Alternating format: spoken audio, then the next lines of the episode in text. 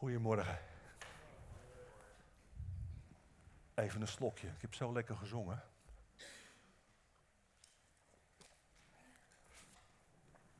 Bij dat lied, oh, Hosanna, Hosanna, de koning komt, had ik wat, eh, dat heb ik zelf opgegeven. En daar had ik wat flashbacks naar vroeger, heel vroeger, hoe we dat met z'n allen in een kanon zongen. Dus ik heb Matthijs daar een beetje mee geziekt, zou ik bijna zeggen. En ik wil dat het in een kanon gezongen wordt. Nou, het is min of meer gelukt. We hebben nog wat te oefenen, maar dat maakt niet uit. Maakt helemaal niks uit. Het is derde adventszondag. En de adventskaarsen branden, dat hebben jullie allemaal gezien. Maar wisten jullie ook dat die kaarsen in de loop van de geschiedenis dat die ook een naam hebben gekregen? Ah, een paar diehards onder ons weten dat wel. De eerste adventszondag is de kaars van de hoop aangestoken. En die zondag die heeft ook de naam gekregen, Zondag van de Hoop. In de tweede zondag, verleden week, was dat de kaars van de liefde. En vandaag hebben we de kaars van de vreugde aangestoken. Inderdaad, de kaars van de vreugde. En in de wat traditionelere kerken heeft deze zondag ook een naam. Zondag Gaudete. De zondag van verheugt u met elkaar allemaal. Nou, en ik hoop, oh en volgende week, moet ik niet vergeten natuurlijk, wordt de kaars van de vrede aangestoken. Dus die hebben we ook nog. Zo hebben we dan vier kaarsen. En vandaag dus de kaars van de vreugde. En ik dacht, ja, wij verheugen ons. Waarom verheugen we ons? Wij verheugen ons op Jezus' komst. Toch? Die eerste keer dat hij is gekomen, dat gedenken we. Toen is hij gekomen als een kwetsbaar kind om ons te redden. En dwars door lijden, sterven, minachting en miskenning en vernedering heen, heeft hij ons gered. Door lijden, sterven en opstanding heen. En als ik daaraan denk, kan ik alleen maar zeggen, dank u weer, dank u. En we verheugen ons ook, tenminste, ik verheug me ook, omdat hij terugkomt. Hij komt terug. Maar dan komt hij als koning. In volle macht, majesteit, kracht en heerlijkheid. Komt hij om ons op te halen. Geen miskenning meer, maar erkenning. En daarom zei ik ook, dank u Heer, dank u Heer dat ik dat weet. En daarom dus net ook dat vreugdelied. Hosanna, Hosanna, de koning komt. Met meteen een vraag erbij, maar voor wie? Maar voor wie? Dus laten we het antwoord van Jezus op die vraag maar gewoon gaan beluisteren en horen. Eens kijken wat Jezus zelf zegt in het evangelie naar Matthäus. Is het leesbaar of is het net te klein? Het gaat? Ik ga het toch voorlezen dus. Jullie zijn het zout van de aarde. Maar als het zout zijn smaak verliest, hoe kan het dan weer zout worden gemaakt? Het dient nergens meer voor. Het wordt weggegooid en vertrapt. Jullie zijn het licht voor de wereld. Een stad die op een berg ligt, kan niet verborgen blijven. Je steekt ook geen lamp aan om hem vervolgens onder een korenmaat weg te zetten. Nee, je zet hem op een standaard, zodat hij licht geeft voor ieder die in huis is. Zo moet jullie licht schijnen voor de mensen, zodat zij jullie goede daden kunnen zien en eer bewijzen aan jullie Vader in de hemel.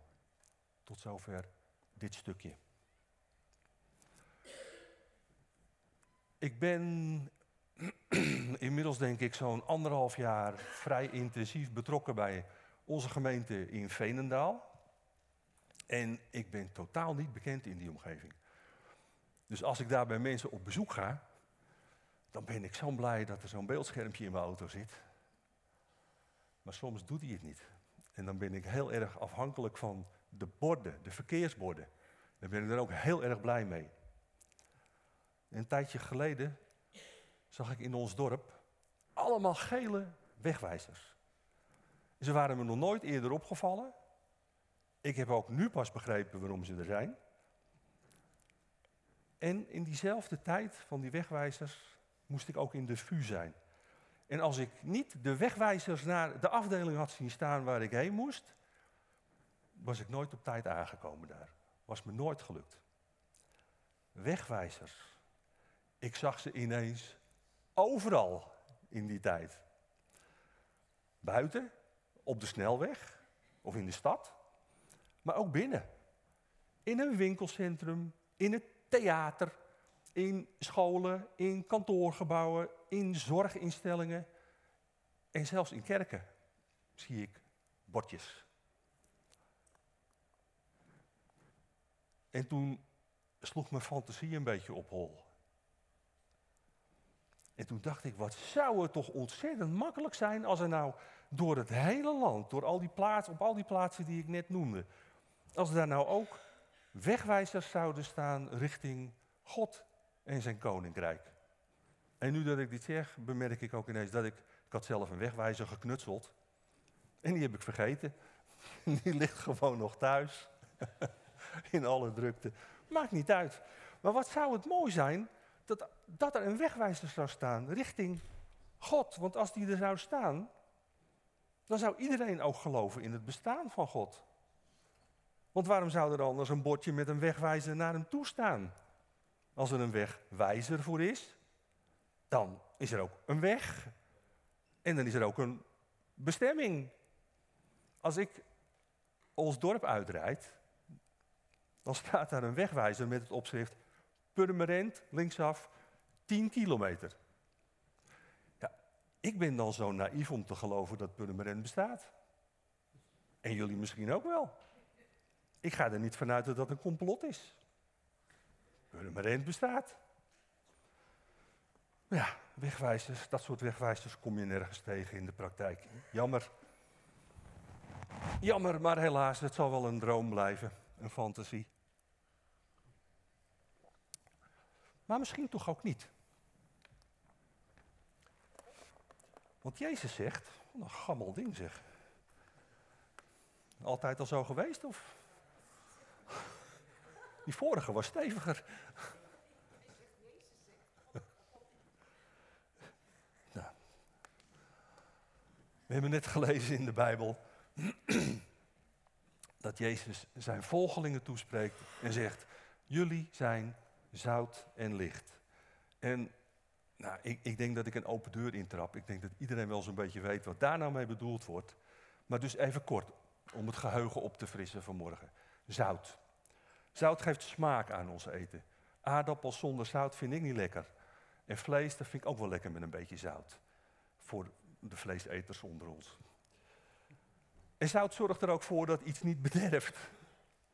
We stoppen tegenwoordig alles in de koelkast, maar vroeger, heel vroeger, werd alles gezouten om het goed te houden. Voor mijn glas. Oh, wat aardig. Dankjewel. En denk ook eens aan gladheid. We hebben het tegenwoordig niet meer zo heel vaak, de klimaatveranderingen, gladheid. Maar als het glad is, dan rijden er van die pekelwagens rond met zout. Die strooien en weg is de gladheid. Zout maakt verschil. En dat doet licht ook. Dat hebben we net ook gezien met die koffer. Licht laat duister verdwijnen. Overal waar het licht aangedaan wordt, gaat het duister weg. Elke morgen gaat de zon weer op en wordt het licht. De duisternis van de nacht verdwijnt. Dus licht maakt verschil van dag en nacht. En vanmorgen horen we dus Jezus in die tekst zeggen tegen zijn leerlingen: Jullie zijn zout en licht. Jullie maken verschil. Je kan ook de klemtoon ergens anders leggen. En zeggen: Jullie zijn zout en licht. Dus jullie hoeven niet keihard je best te doen om ooit in de toekomst zout en licht te worden. Nee, jullie zijn zout en licht. En daarom maken jullie verschil. Elke volgeling van Jezus is zout en licht. Ook wij. Wij maken verschil in deze wereld. Wij zijn smaakmakers. Wij zorgen ervoor dat de boel niet bederft. Wij zorgen ervoor dat mensen niet uitglijden, slippertjes maken. Wij verspreiden licht in de ons omringende duisternis. Wij laten daarmee iets zien van God en van zijn koninkrijk. En daarmee zijn wij wegwijzers naar God. Dus wegwijzers naar God en zijn koninkrijk bestaan wel. Ze bestaan zeker wel. Oké, misschien wat anders dan dat ding dat ik in elkaar had geknutseld en wat ik dus gelukkig vergeten ben. Maar ze bestaan wel. Wegwijzers van vlees en bloed. Nou, toen ik dat zo bedacht had, toen dacht ik ook van, oh, nu moet ik even, even een stapje terug doen voor mezelf. Want dat zijn nogal niet wat dingen. Wij zijn zout en licht. Wij zijn wegwijzers naar het koninkrijk van God. Wij maken het verschil. Wat een kwaliteiten dicht Jezus aan ons toe. En ik moet bekennen dat ik dat helemaal niet zo makkelijk vind om dat altijd maar zo te geloven. Dat ik zout en licht ben. Ik wegwijzer naar God. Als ik terugdenk aan de afgelopen jaren van ziekte en zeer in mijn eigen leven. De teleurstellingen, de tegenslagen, het gebrek aan vreugde, geloofsvreugde. Hoe was ik in vredesnaam in die tijd wegwijzer naar God? Hoe kan iemand in zo'n situatie nou zout en licht zijn? Hoe dan, Heer? Hoe dan? vroeg ik me af. En misschien zit er wel iemand in de zaal nu. En die heeft ook zo zijn bedenkingen erbij van, nou wij, ik, zout en licht. Wegwijzen naar Gods koninkrijk zelf, zelfs. Nou Jan, klinkt leuk, maar ik weet het niet hoor. Wij maken het verschil. Wij, zoals we hier zitten. Wij zijn toch allemaal maar heel gewone mensen? En sommigen van ons zijn ook nog eens behoorlijk beperkt in onze mogelijkheden. Hoe dan, Heer? Hoe dan? Maar toen bedacht ik me dat de mensen tegen wie Jezus dat die allereerste keer zei, daar op die berg, de bergreden, zullen die nou eigenlijk niet precies hetzelfde gedacht hebben als wat ik dacht? Wij, zout en licht? Wij? Weet u dat zeker, Rabbi Jezus? Wij, wij zijn maar gewone vissers, boeren, arbeiders, hardwerkende huisvrouwen. Maken wij het verschil hier op deze berg? Zij zullen ook niet meteen gezien hebben wat Jezus wel zag. Want Jezus wist dat zijn navolgers door de inwerking van zijn Heilige Geest een bepaalde mindset zouden ontwikkelen. Dat ze door, door het geloof in Hem op een bepaalde manier in het leven zouden staan. En daartoe zouden ze zout en licht zijn. Maar hoe dan? Wat is dan die mindset? Jezus heeft het even daarvoor gezegd. In het begin van de bergreden.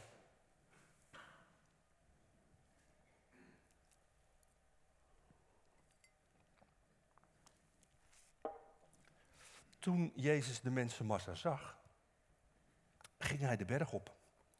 En daar ging hij zitten met zijn leerlingen om zich heen. Hij nam het woord en onderrichtte in hen. En hij zei, gelukkig wie nederig van hart zijn. Want voor hen is het koninkrijk van de hemel. Gelukkig de treurende, want zij zullen getroost worden. Gelukkig de zachtmoedigen, want zij zullen de aarde bezitten. Gelukkig wie hongeren en dorsten naar de gerechtigheid, want ze zullen verzadigd worden. Gelukkig de barmhartigen, want zij zullen barmhartigheid ondervinden. Gelukkig wie zuiver van hart zijn, want zij zullen God zien. Gelukkig de vredestichters, want zij zullen kinderen van God genoemd worden. Gelukkig wie vanwege de gerechtigheid vervolgd worden, want voor hen is het koninkrijk van de hemel. Gelukkig zijn jullie, wanneer ze je omwille van mij uitschelden, vervolgen en van allerlei kwaad betichten. Dit is hun mindset. Die gelukkigen, Jezus navolgers, zij die zout en licht zijn, die wegwijzer zijn, die hebben deze levenshouding, zegt Jezus. En laten we er een beetje op inzoomen. Ze zijn nederig van hart. Een wat oudere vertaling, die zegt, het zijn armen van geest. Maar als je letterlijk gaat kijken wat Jezus zegt, dan staat daar, het zijn bedelaars. En ik begrijp nog steeds niet waarom dat niet zo vertaald is. Letterlijk bedelaars. Het zijn mensen die hun hand omhoog houden. En die zeggen, een, een aalmoes alstublieft. Dat is wel hele oude taal. Vroeger zeiden ze dat. Een aalmoes alstublieft. Bedelaars. Mensen die beseffen dat ze elke dag afhankelijk zijn van vrijgevigheid. Van goedheid. Van de ander. En die ander met een hoofdletter. Bedelaars. Nederige van hart. En het zijn ook treurende. En nu treuren we allemaal op zijn tijd. Het leven is ook verliezen lijden, teleurstellingen incasseren en verdriet een plek geven. En we hebben allemaal op zijn tijd een schouder nodig om op uit te huilen. Maar dat zijn niet de treurende die Jezus op het oog heeft. Jezus heeft mensen op het oog die treuren omdat ze in de wereld om zich heen zien hoe de tegenstander van God, hoe die vrij spel lijkt te hebben. Hoe die om zich heen slaat in de wereld. En zij treuren omdat ze zien dat de mensen die zij lief hebben, omdat ze hun doel missen. Omdat ze de God die zij als liefdevolle vader hebben leren kennen, heel bewust afwijzen. Daar wil ik niks mee te maken hebben. Ondanks alle hartstochtelijke gebeden voor hun partner, voor hun kinderen, hun vrienden. En daarmee treuren ze met hetzelfde verdriet dat Jezus had. Ze zijn zachtmoedig. Zachtmoedig in de zin van dat ze zich niet zo nodig hoeven te laten gelden.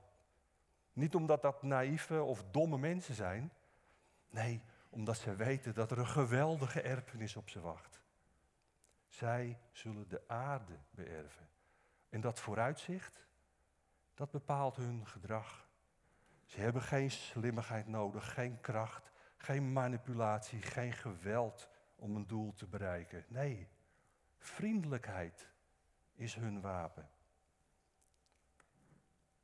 Ze hongeren en dorsten naar de gerechtigheid die is lastig.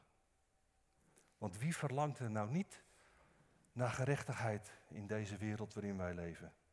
Waarin ongerechtigheid eigenlijk voortdurend de boventoon lijkt te voeren. Wie wil daar geen gerechtigheid hebben? Iedereen wil dat toch? Ook mensen die God niet erkennen en Jezus niet volgen. Maar dat verlangen naar gerechtigheid, dat is ook niet wat Jezus bedoelt. Jezus, gebruikt niet voor niets twee hele sterke woorden. Honger en dorst naar gerechtigheid. En als je honger hebt, dan, dan schreeuwt je lijf gewoon om voedsel. Dan heb je een knagend gevoel in je maag. Ja, ik ken dat niet, want ik behoor tot de naoorlogse generatie. Wij hadden alleen maar trek. Dus ik ken dat niet. Maar als je dorst hebt, dan plakt je tong aan je verhemelte dan smacht je lichaam naar vocht. Honger en dorst zijn ervaringen van een tekort in jezelf. En hongeren en dorsten naar gerechtigheid is hetzelfde, is een vergelijkbare ervaring in jezelf. Het ervaren van een tekort aan gerechtigheid. In je eigen handelen. Tegenover God en tegenover mensen. Als je voor de zoveelste keer tot de ontdekking komt van, nou, toch mijn eigen belang weer getriomfeerd. En lichamelijke honger en dorst, die kunnen alleen gestild worden door eten en drinken. Van voedsel en van vocht. Dat zijn dingen die van buiten ons komen. Alleen met dingen die van buiten ons komen kunnen we die gevoelens stillen. En zo is het ook met die geestelijke honger en dorst naar gerechtigheid. Die verzadiging daarvan, die moet van buiten ons komen. Die kunnen we alleen maar ontvangen van Jezus zelf. Ze zijn barmhartig. Een oud woord is dat. Compassie, ontferming, mededogen. Dat zijn misschien wat bekendere woorden. Maar het zijn mensen die barmhartigheid tonen aan mensen over wie niemand zich lijkt te ontfermen. Die trouw jaar in jaar uit omzien naar de zwakke, zieke en misselijke mensen in hun omgeving. En ze geven die ander wat ze zelf hebben ontvangen. Barmhartigheid en genade. Zuiver van hart is de volgende. En eigenlijk is het beter om te zeggen, het zijn gezuiverden van hart. Hun hart is gezuiverd. Ze geven zich over aan die stille stem van Gods geest in hun hart. Die stem die influistert elke keer weer. Het is tijd om die onzuiverheid, om die onreinheid, om die aan te pakken.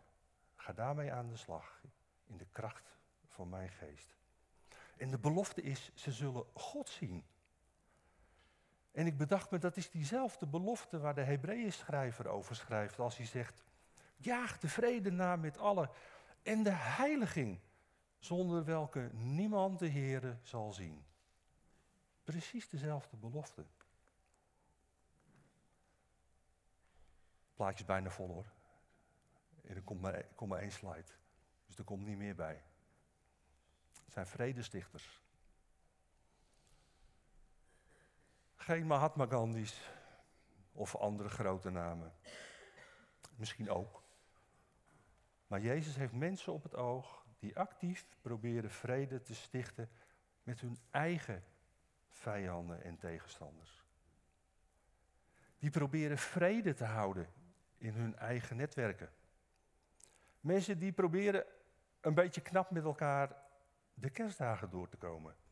Want het kerstdiner is niet voor iedereen altijd een ontspannen feest. Daar in het klein, daar zijn ze vredestichters. Dat is de mindset van volgelingen van Jezus. Zo staan ze in het leven. Daarom zijn ze zout en licht. Zo zijn ze wegwijzer naar God.